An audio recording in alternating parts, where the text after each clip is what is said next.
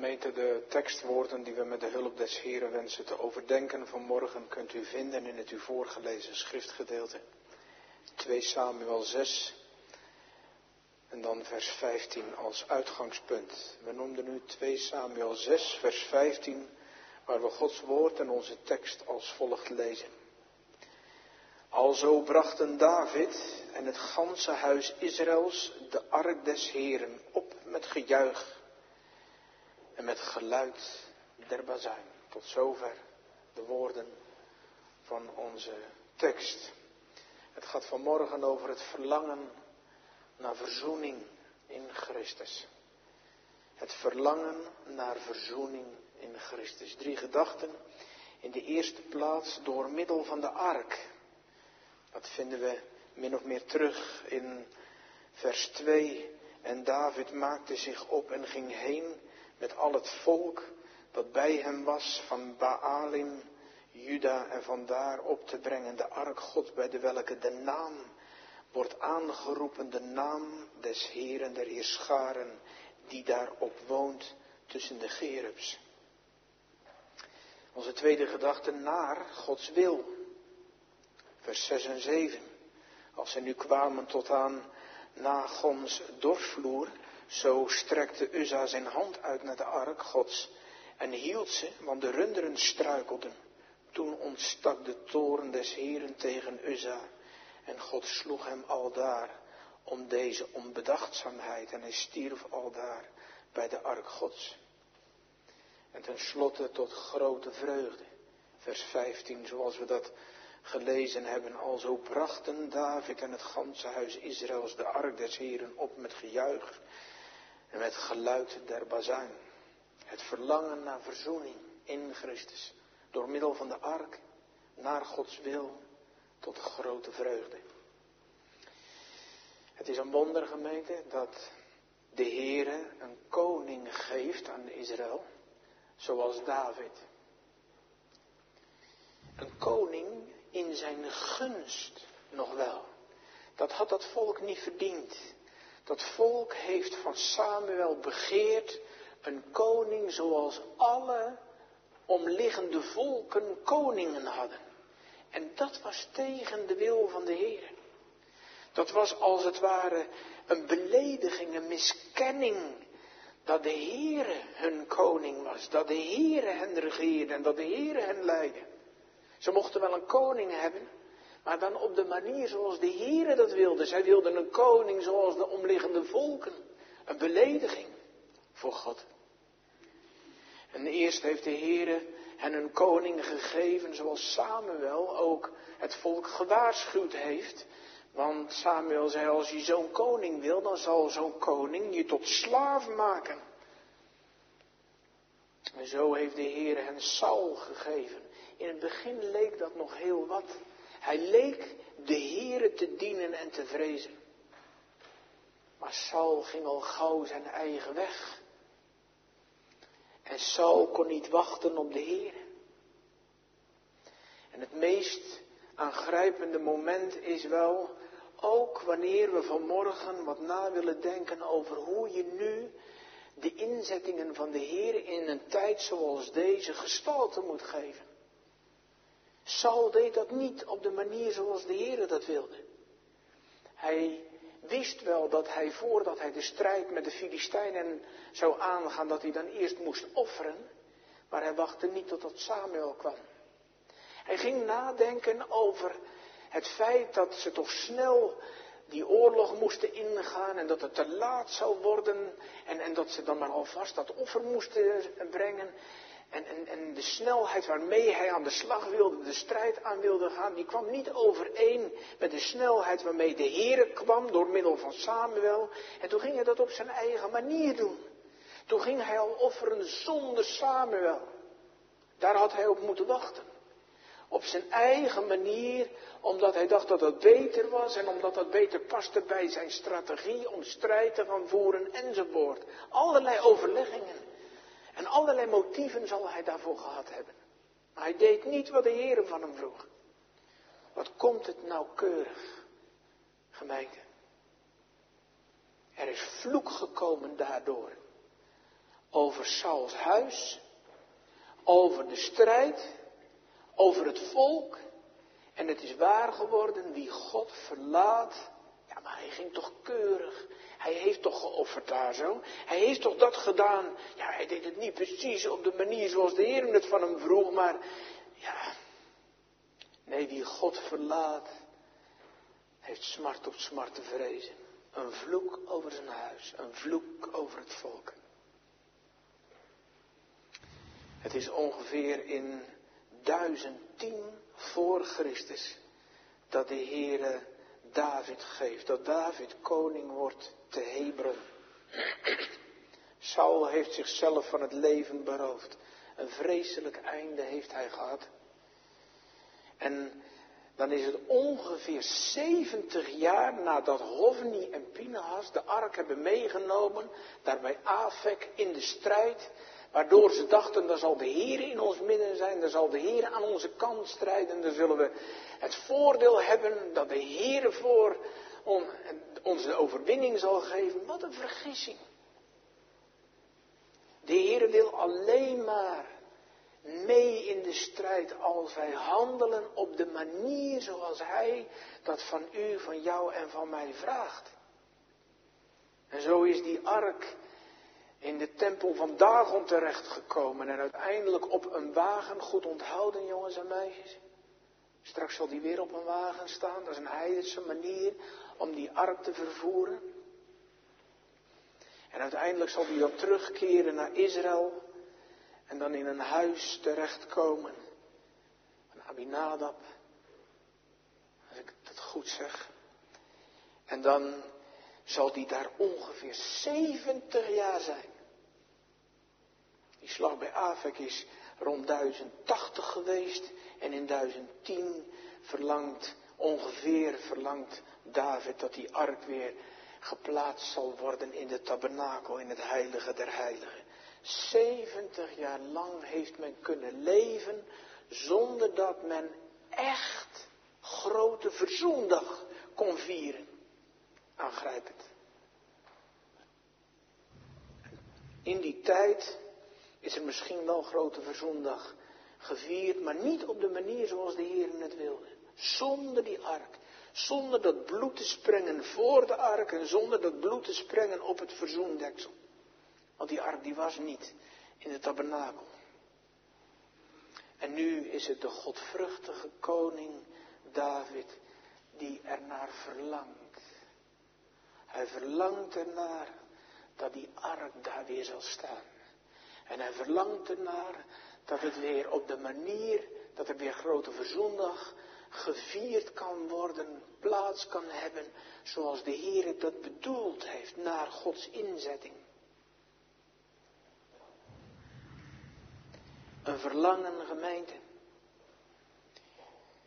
Om die ark weer te brengen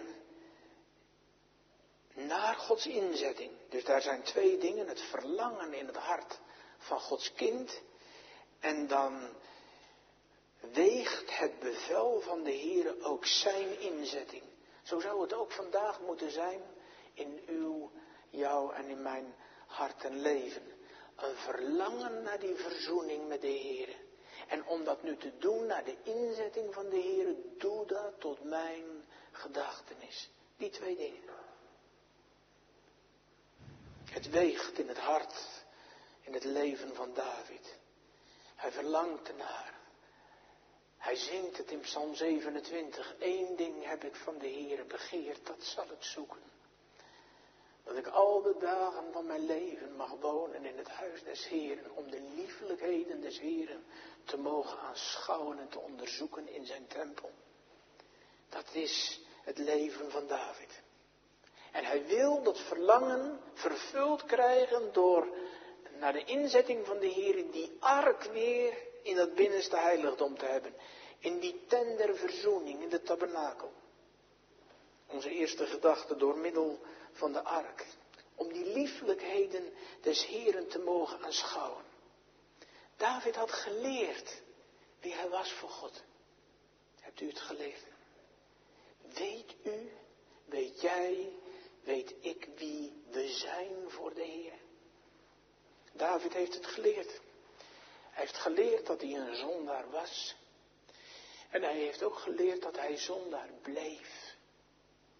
In, in kleine zonden, in dagelijkse zonden, woorden, gedachten en werken, maar ook soms in grove zonden. Hij heeft het geleerd. En hij moest er elke keer opnieuw bij bepaald worden en aan ontdekt worden. En elke keer opnieuw moest hij zijn zonde en zijn schuld opnieuw inleven, ervaren, de smart ervan beleven. Om weer te verlangen naar verzoening. Dat is niet één keer. Of een bepaalde periode in je leven en dan daarna is dat afgesloten, dan is dat afgerond en dan mag je daarna altijd jubelen. Nee, dat is nou elke keer opnieuw het leven van Gods kind uitzien om de Heere Jezus Christus te mogen ontmoeten als die schuld overnemende borg tot verzoening, tot vergeving. Om zijn lijden recht te betrachten, om, om weer opnieuw te mogen ervaren dat Hij in de wereld is gekomen om zondaren met God te verzoenen, om een schuld over te nemen, hun zonde te verzoenen. Elke keer opnieuw was dat in het leven van David weer werkelijkheid.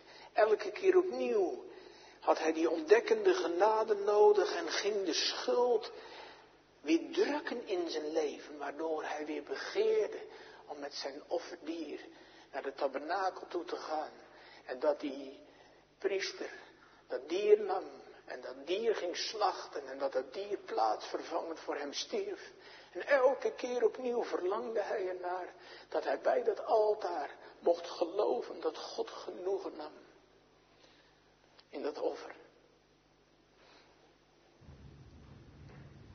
Elke keer opnieuw. Dat is het leven van Gods kinderen. Dat is het leven van verloren zondaren. En niet een beetje redeneren. Dat is, dat is hun leven. De schuld, de zonde, elke keer opnieuw beleven. En elke keer dat verlangen om nu die verzoening ook weer te mogen beleven, te mogen zien, te mogen proeven, te mogen smaken. Elke keer opnieuw weer die onrust, weer dat verdriet, weer die verwijdering ervaren met de Heer, omdat er zonde, omdat er schuld tussen komt te liggen. Elke keer weer dat roepen, dat, dat schreeuwen van die ziel naar God, naar de levende God, uit de diepten van ellende. David begeerde in te mogen gaan in Gods huis, om dat te mogen aanschouwen, om dat te mogen onderzoeken, om steeds dieper die genade in Christus te mogen kennen, te mogen beleven, te mogen ervaren. Daarom zou hij er wel willen wonen in het huis des Heren. Daarom zou hij daar wel permanent willen verkeren. Dat begeert hij. Eén ding heb ik van de Heer begeerd. Boven alle andere dingen die in zijn leven een bepaald belang hebben, begeert hij dat bovenal. In het huis des Heren te mogen wonen. En de liefelijkheden des Heren te mogen aanschouwen. Dat is zijn leven.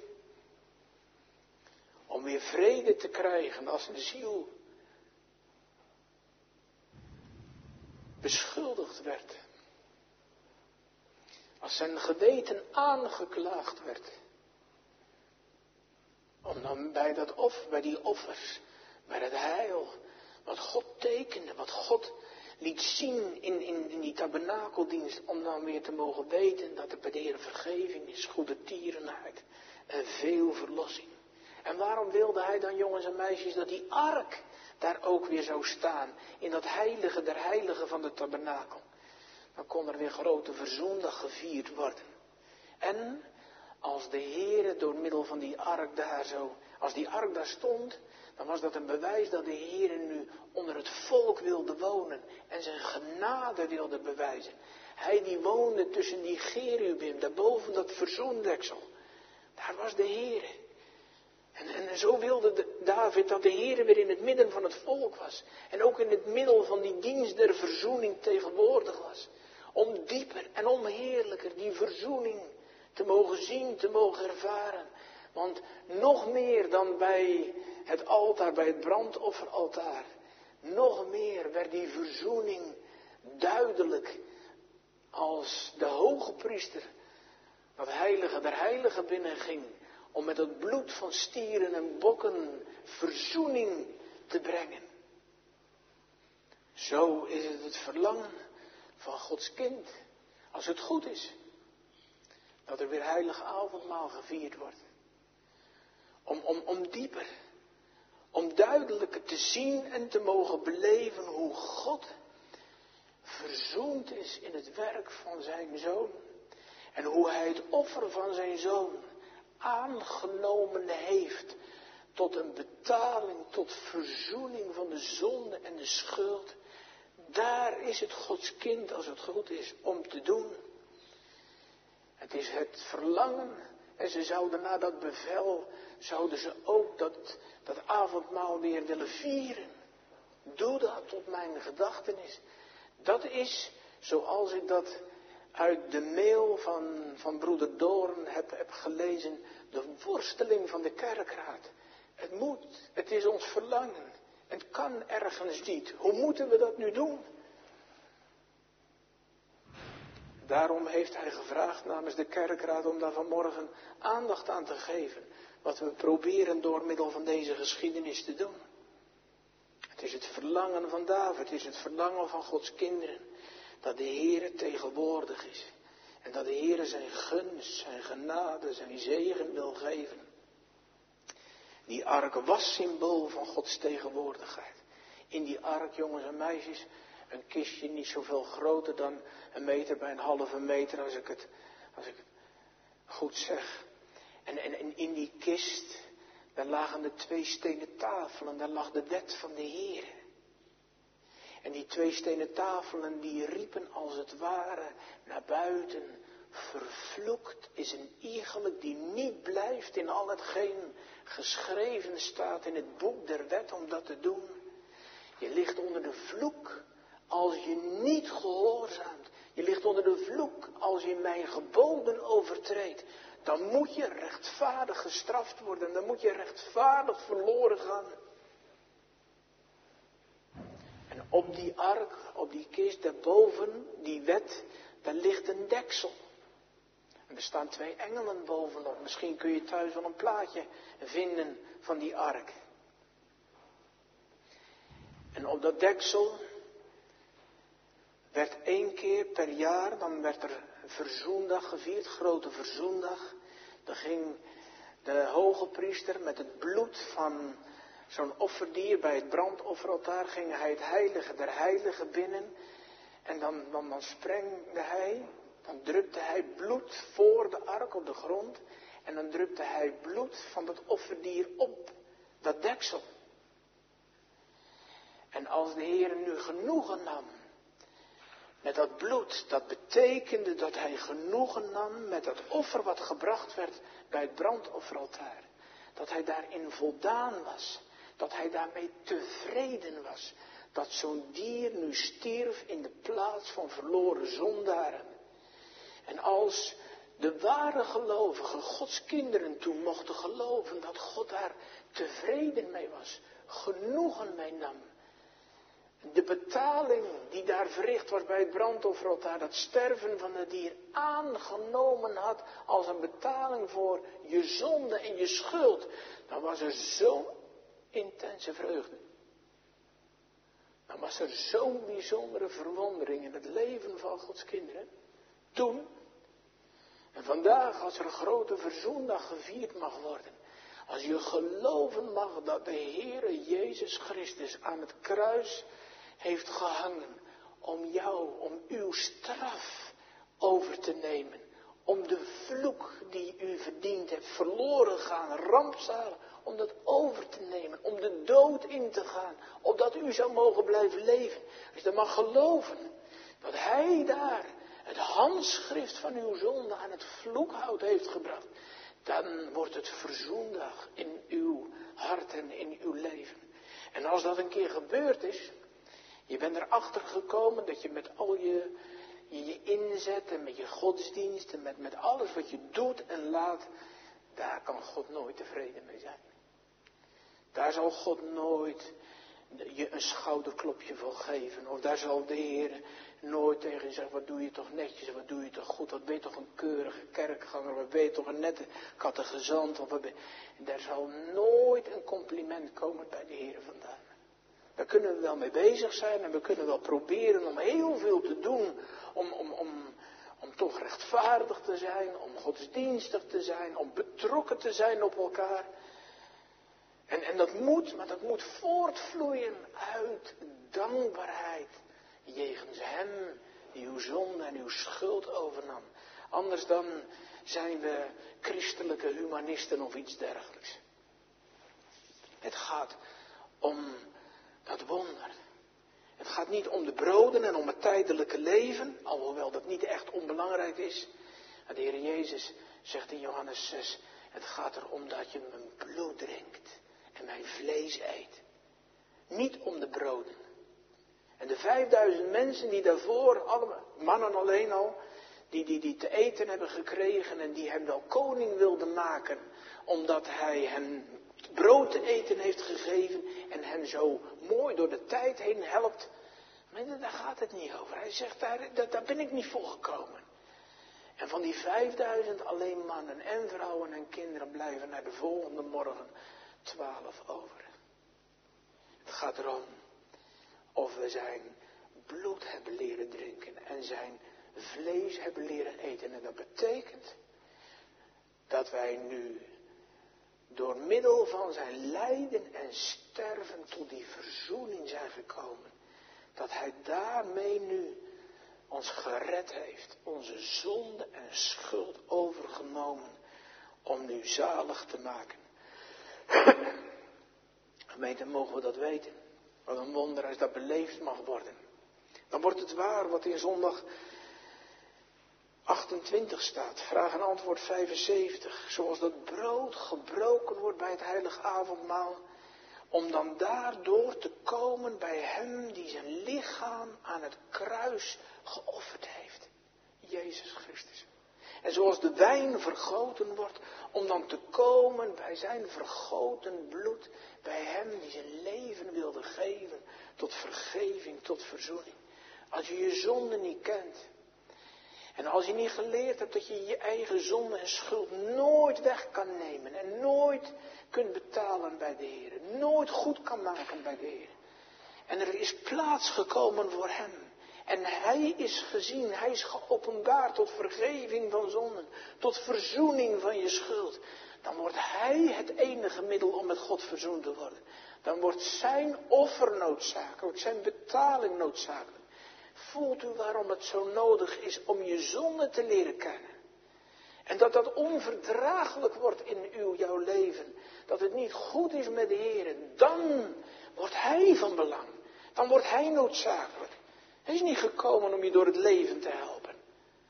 Ook, maar niet in de eerste plaats. Hij is gekomen om te zoeken en zalig te maken dat verloren is. Dat vanwege de zonde en de ongerechtigheid voor eeuwig verloren moet gaan. Daarvoor kwam hij. En wil je echt avondmaal vieren, dan gaat het erom dat je door middel van dat gebroken brood bij zijn gebroken lichaam komt.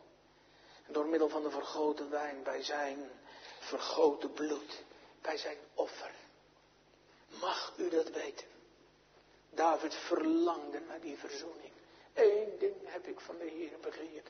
Dat zal ik zoeken. En hij verlangde ernaar dat die ark daar weer zou staan. En dat het grote verzoendag zou worden. Dat God weer in hun midden zou zijn. En dat de Heer door in hun midden te zijn weer die verzoening wilde laten ervaren. Van de zonde en van de schuld. En meende zo is er vandaag een getal dat verlangt om avondmaal te vieren. Dat verlangt naar verzoening. Dat verlangt ernaar om bij vernieuwing te mogen ervaren dat God niet meer op je zal toren en niet meer op je zal schelden vanwege dat volkomen offer van zijn zoon. Die verlangen ernaar om hun honger en hun kommer, namelijk de zonde, weg te mogen eten en weg te mogen drinken. Te mogen weten bij zo'n stukje brood te tasten in je handen, te ontvangen uit de hand van de dienaar, te mogen proeven en smaken.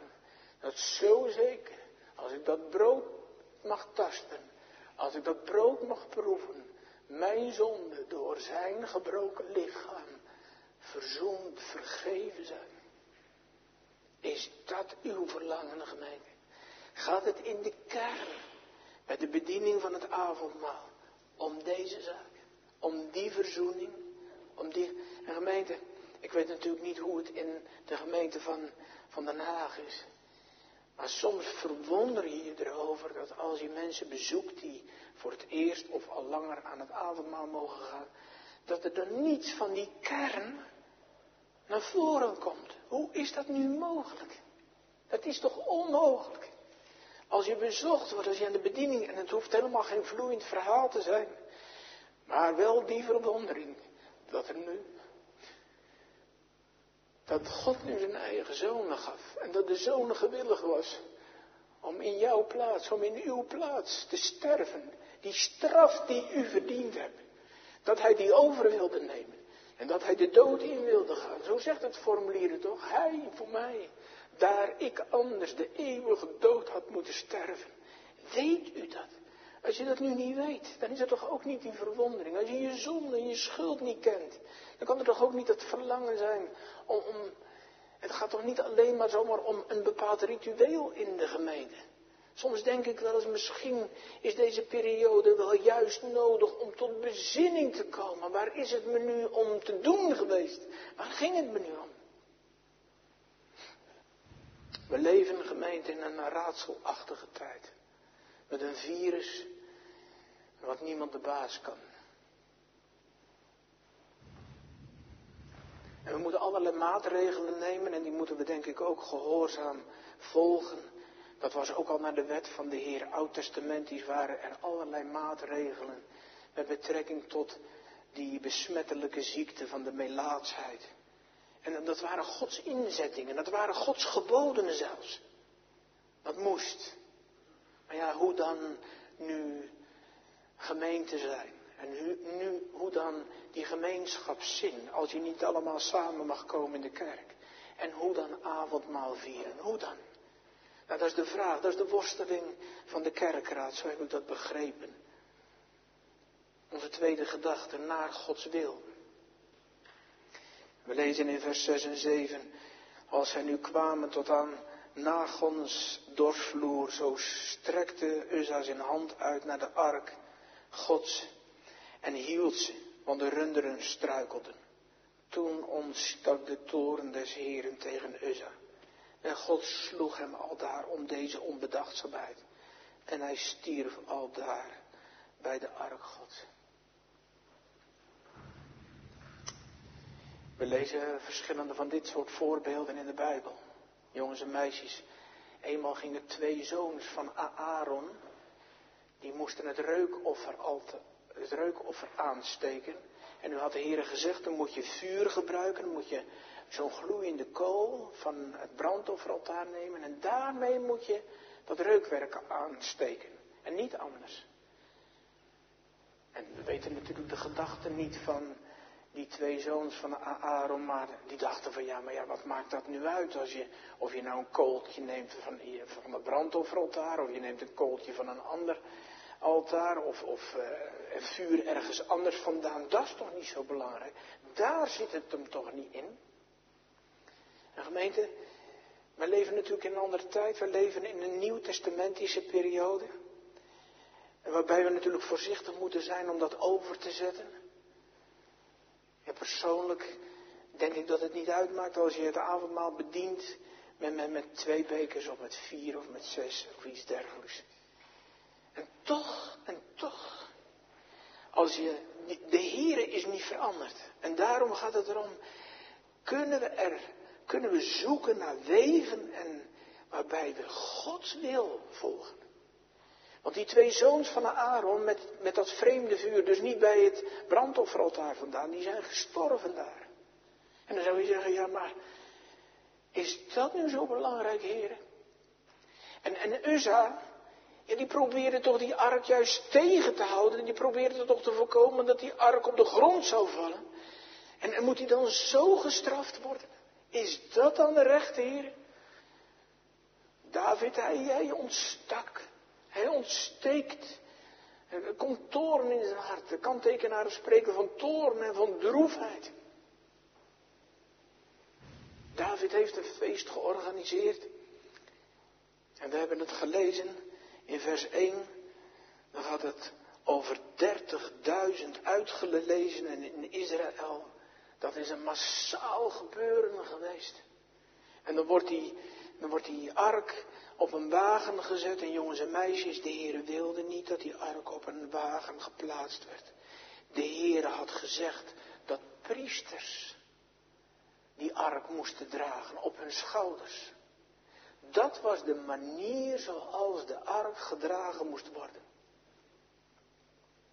Dus, Uza en zijn broer, zij doen de wil van de Heer niet.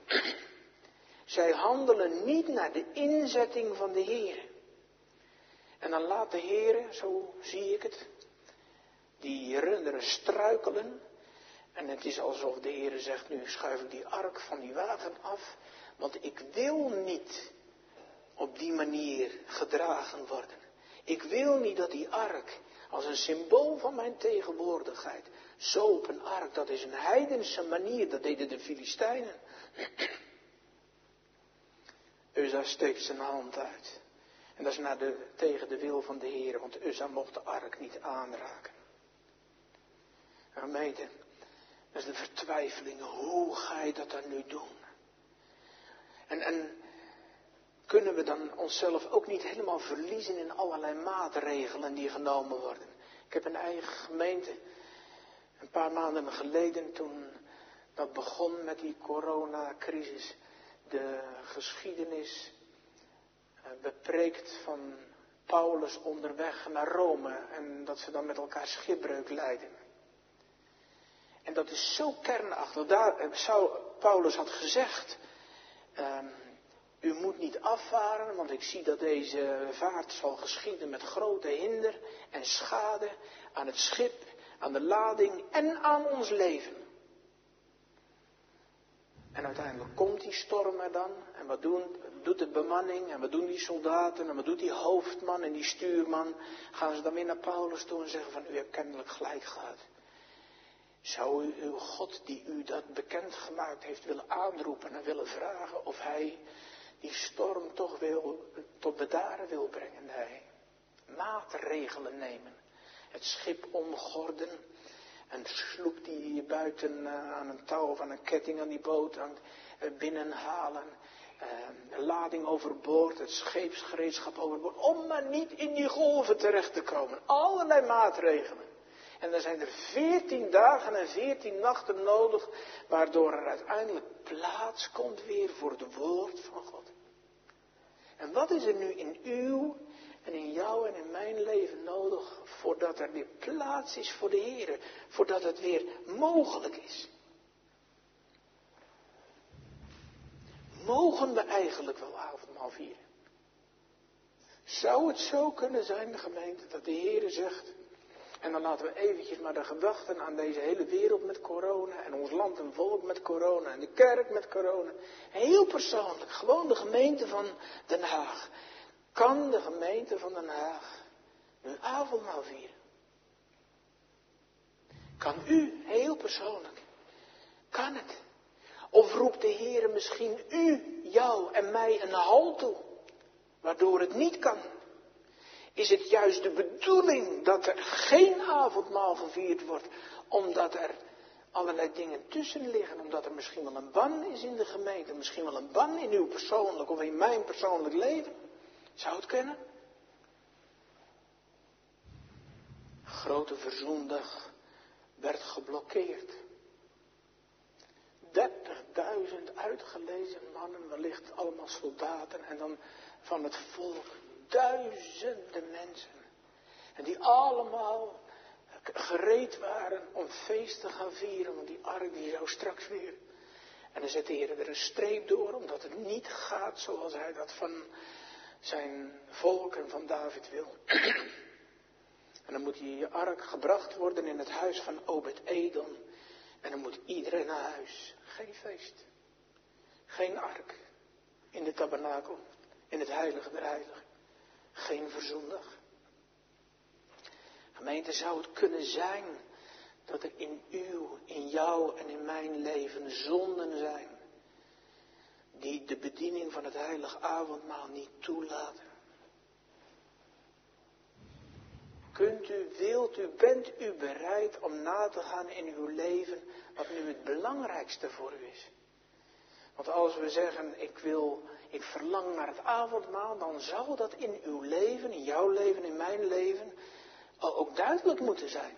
Dat het verlangen met de Heer, om met de Heer te leven, om die verzoening te beleven, dat dat gezien wordt in uw leven. Bent u, ben jij, ben ik meer met, met, met Gods woord bezig dan met mijn mobiel?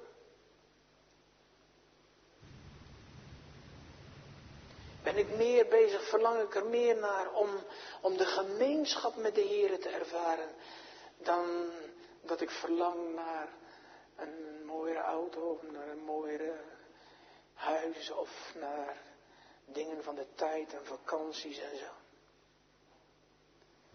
Of is dat allemaal overdreven? Kunt u het zeggen? Ja. Als ik de achterliggende half jaar zie, dan is er maar één ding heb ik van de Heer begeerd. Dat zal ik zoeken. Is het waar? Ik kan het niet zeggen, gemeente. Maar elke dag mag ik met het woord bezig zijn. Ik mag elke dag en in de week een preken maken. Maar wat, wat is een mens vleeselijk verkocht onder de zon? En hoe kom ik nu op die plek? En hoe gaat dat nu, hoe, hoe zal dat nu anders worden? De Heer zet een streep. En David kan ook niet verder. Hij kan niet verder op die dag. Het is zo aangrijpend. Die Uzza die sterft. Bedroefd. Bedroefd. En weten hoe is het in uw leven? Misschien zegt u ja. Ik kan u niet zeggen dat ik echt hele specifieke zonden doe. In de dagen van Noach kwam er een zondvloed en dan worden door de Heer Jezus later geen bijzondere zonden genoemd. Nee, eten en drinken, huwelijken, ten huwelijk uitgeven, allemaal geoorloofde dingen. Maar zonder God, godloos. Misschien zijn het wel kerkelijke zonden, waardoor de Heer ons een halt toeroept. Waardoor de Heer zegt van kom nu eens tot bezinning. Denkt u nu werkelijk dat u meer bent en wijzer bent met het woord dan, dan die gemeentes die zo heel anders doen dan u doet en dan u denkt? Denkt, denkt u, denkt jij, denk ik nu werkelijk dat, dat ik superieur kan zijn boven anderen? Wat is er een godsdienstige hoogmoed? En de een aan de ene kant en de ander aan de andere kant. Op allerlei manieren denken we beter te zijn en wijzer te zijn en, en beter eh, de, het woord te kunnen interpreteren dan. Dat is zo intens verdrietig.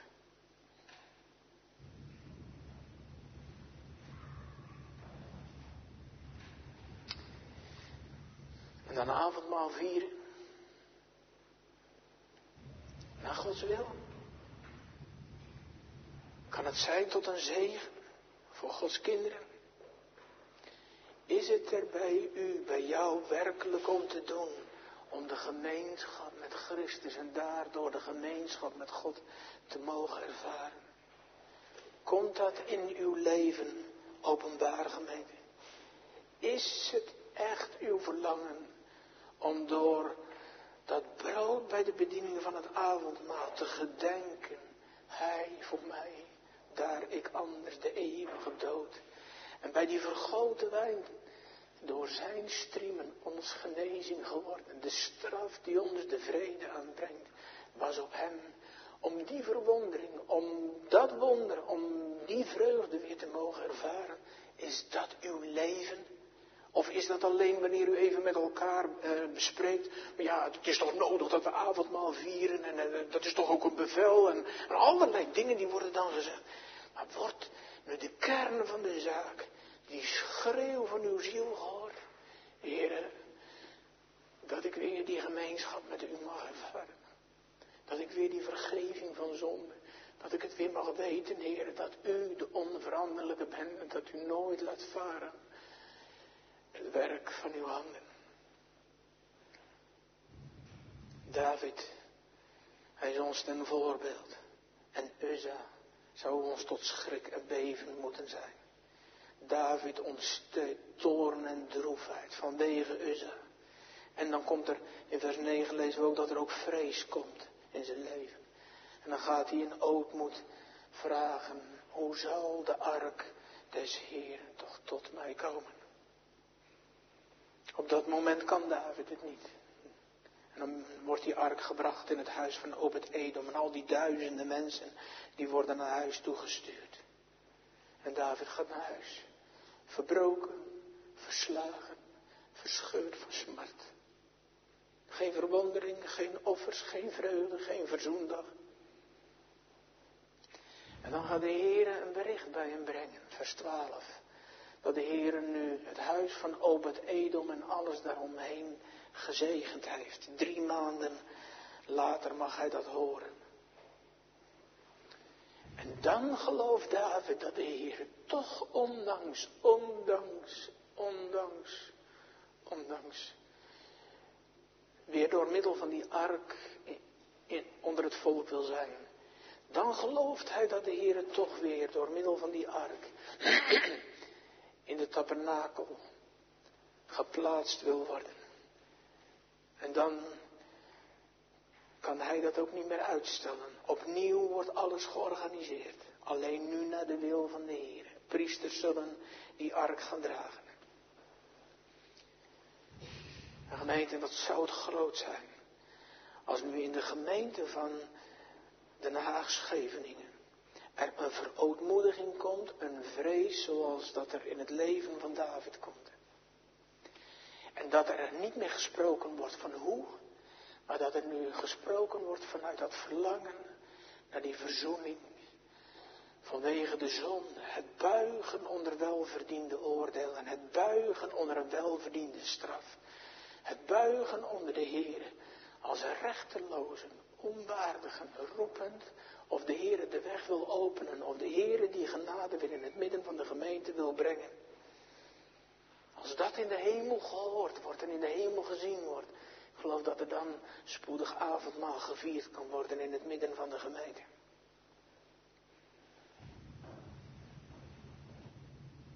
In de tijd van de Puritijnen is er een tijd geweest, dan moest elke avondmaalganger, die moest een penning gaan halen bij de kerkraad. En om die penning te krijgen, moest je een bepaald getuigenis geven. Dan moest je vertellen waar het je om te doen was. Zou het kunnen, gemeente? De kerkraad onderling. En de avondmaalgangers in het midden van de gemeente. En dan met elkaar, en dan één voor één, vertellend hoe je je honger en je kommer, namelijk de zonde wenst weg te eten. Hoe je bij de bediening van het avondmaal hem wil verkondigen als, het enige, als de enige gerechtigheid die redt van de dood. Is dat uw verlangen? Zou het kunnen? In vers 14 lezen dat David huppelt. Hoe? Als een koning, jongens en meisjes? Nee, in een linnen lijfrok. Dat is dat onderkleed. Waarbij die één was met het volk. Hij was geen koning zoals die daar huppelde. Hij, was, had ook geen ambtelijke ambtskleed aan. Hij was kind. En met een intense vreugde. Vanwege dat kindschap huppelt hij daar. En Michal, ze veracht het. Dat zal altijd zo blijven, gemeente.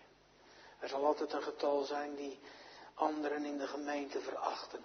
Wees wel voorzichtig hoe u naar anderen kijkt en hoe u met anderen omgaat. Michal, we hebben het gelezen, ze had geen kind.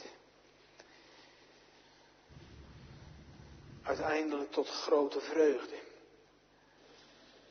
Verlangen naar verzoening in Christus. Door middel van de ark naar Gods wil. Ten slotte tot grote vreugde. In vers 13 lezen we dat bij enkele treden, als de priesters met de ark net de eerste stappen hebben gezet en Gods gunst kennelijk ervaren mag worden. Gemeente, dan, gaat, dan wil David al gaan offeren. En dan worden er offerdieren geslacht en dan wordt er al geofferd. Bij de eerste, bij de beginselen van de ervaring van Gods gunst. Gemeente, David, hij kan het niet op zo'n verwondering, zo'n zielenvreugd, omdat hij daar zijn wens mag verkrijgen. En o wonder, dan mag die ark geplaatst worden in het heilige der heiligen van de tabernakel. En daarmee toont de Heer weer onder het volk te willen wonen. Zijn zegen te willen geven. Genade te willen betonen aan verloren zondaren. Daar betoont hij dat het totaal van die offerdienst weer compleet is. En dat er weer verzoening door voldoening mogelijk is, vergeving. Dat hij genoegen wil nemen met de offerdieren die daar geslacht werden. En gemeente, daarna stroomt het bloed weer bij dat brandofferaltaar. Schuldoffers, dankoffers worden gebracht. En dat is nu waar Gods volk vandaag naar verlangt. Als ze levendig gesteld zijn, bezielt ge hen met uw geest, dan ziet men hen weer leven als tevoren. Is dat uw leven? Gemeente, dan moet u proberen heel eerlijk te zijn. Als het alleen maar gaat om de vorm en alleen maar gaat om het uitwendige van het avondmaal, zwijg dan en vraag dan of de Heer u weer dat levende verlangen naar verzoening wil geven. En natuurlijk, dat kan ook door middel van het woord en door middel van het heilige avondmaal.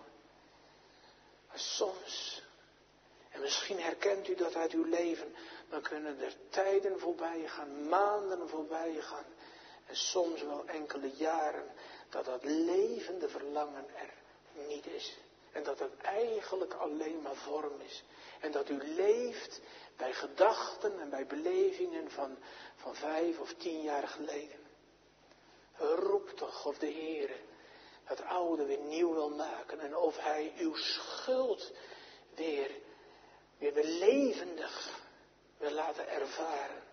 Om nu weer een levend verlangen te hebben ook naar die verzoening in Christus. Om Hem weer te mogen zien als het offer voor uw schuld. Te mogen zien als het brood gebroken wordt, ik voor u, daar gij anders de eeuwige dood had moeten sterven.